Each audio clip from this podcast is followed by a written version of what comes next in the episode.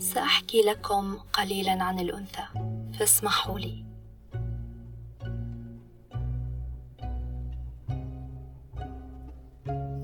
ينقل لنا الحكاؤون قصصا من قديم الزمان بعضها من النبوءة وبعضها الآخر من التراث سأحدثكم عما يتنقله الحكاؤون عن الأنثى.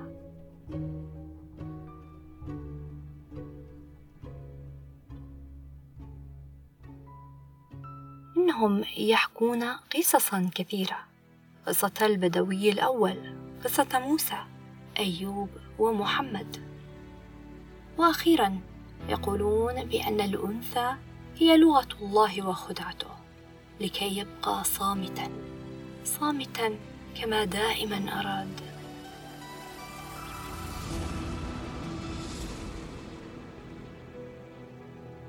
يحكي القصاص بأنه في قديم الزمان عندما كان النمر قطا والنسر عصفورا كذلك كان الرجل طفلا.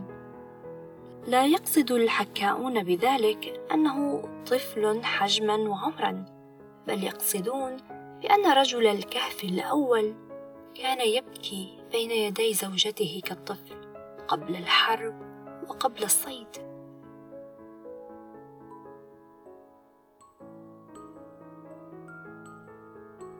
وبأن الأنثى كانت مأواه الحقيقي لا الكهف. كانت تضمه تطبطب على قلبه وتذيب الخوف الذي فيه بل تصب عليه تهويدة لطيفة بلحن سماوي.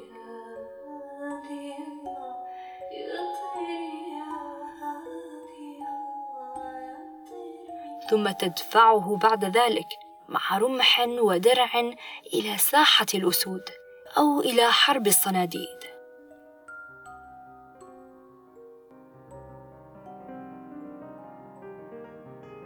ويحكى أن أيوب موسى ومحمد كانوا يهرعون إلى زوجاتهم عند المرض أو قبل الذهاب إلى النار أو بعد العودة من الغار.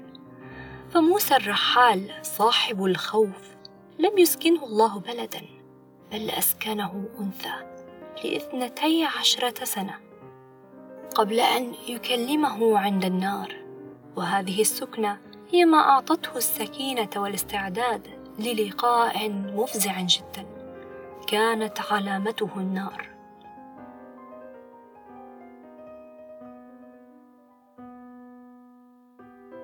أما محمد المرعوب أسكنه الله أنثى خمس عشرة سنة قبل أن يكلمه في الغار فصنعه عند خديجة قادرا على ملاقاة الروح القدس.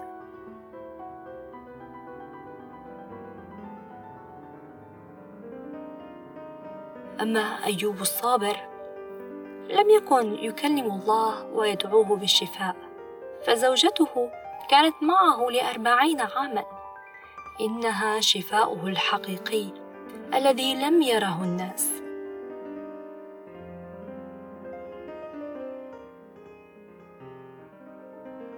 يقول الحكاؤون بأن لله لغتان إنه يتحدث بلغة الحروف ولغة النساء.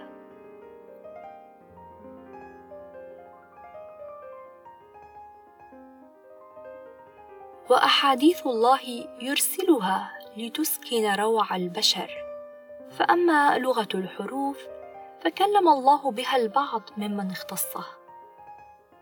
كلمهم إما بالقرآن بالصحف أو بالإنجيل لكنه كلم الجميع بلغة النساء. فقد كلم الله رجل الكهف فكانت كلمته حضنا يؤبيه وكفا تمسح دمعه.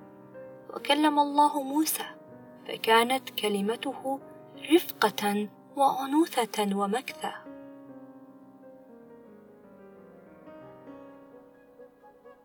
وكلم الله محمدا فكانت كلمته دثارا ضمة وقبلة. وكلم الله أيوب فكانت كلمته سيدة ترعاه وتداوي جراحه. وكذلك الله يخفي ويستر فلا يكشف الأسرار إلا للأبرار. فأخفى الله لغاته وساد صمته طول الأزمان وفي كل الأكوان. فلم ينزل الله كتبه من السماء بحضور جمهور أو محفل بل في عزلة غار أو عند جدوة نار أو بين ثنايا الغاب. وجعل كلامه في السطور. مخفي المعنى دون شرح أو دلالة.